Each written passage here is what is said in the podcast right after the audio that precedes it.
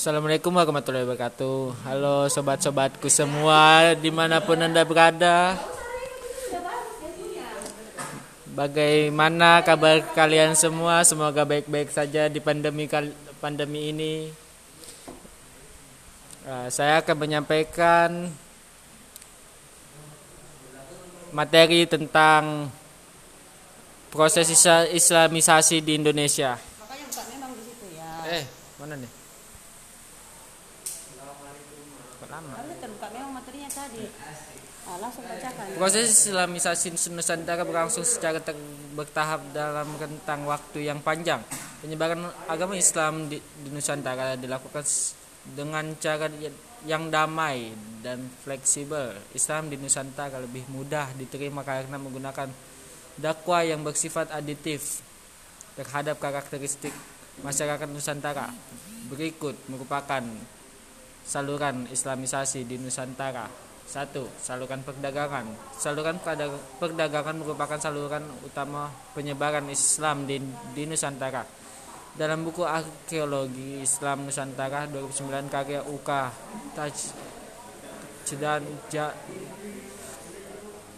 Rasa Smita, pembawa dan penyebar agama Islam pada masa permulaan adalah golongan pedagang.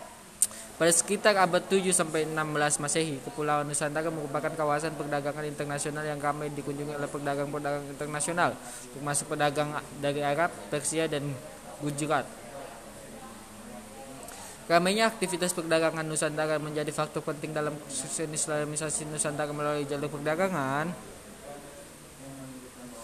2. Saluran pendidikan Islamisasi di Nusantara semakin berkembang pesat ketika para ulama, guru agama dan raja berturut menyebarkan agama Islam melalui pendidikan. Para ulama dan guru agama mendirikan pondok pesantren sebagai tempat pelajar pengajaran Islam dan keterampilan hidup masyarakat Nusantara. Dengan jaringan keil, keilmuan Islam Nusantara juga dapat terbentuk melalui perkembangan pesantren di Nusantara. Saluran Tiga, saluran perwakilan. Saluran perwakilan merupakan salah satu cara yang mudah dan efektif, dalam Islamisasi Nusantara. Perdagangan Islam yang banyak yang banyak yang dilakukan melakukan perwakilan dengan kaum perempuan pribumi dan kalangan bangsawan hingga anggota kerajaan.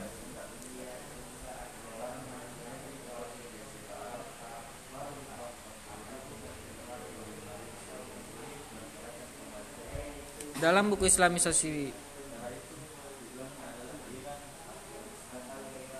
Dalam buku Islamisasi dan Perkembangan Kerajaan-Kerajaan Islam di Indonesia tahun 2012, karya Daliman, para pedagang Islam dapat diterima di kalangan bangsawan karena kekayaan, kecerdasan dan dan kepopuleran mereka.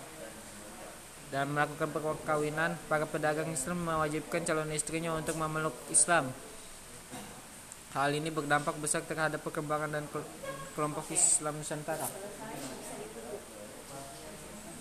嗯。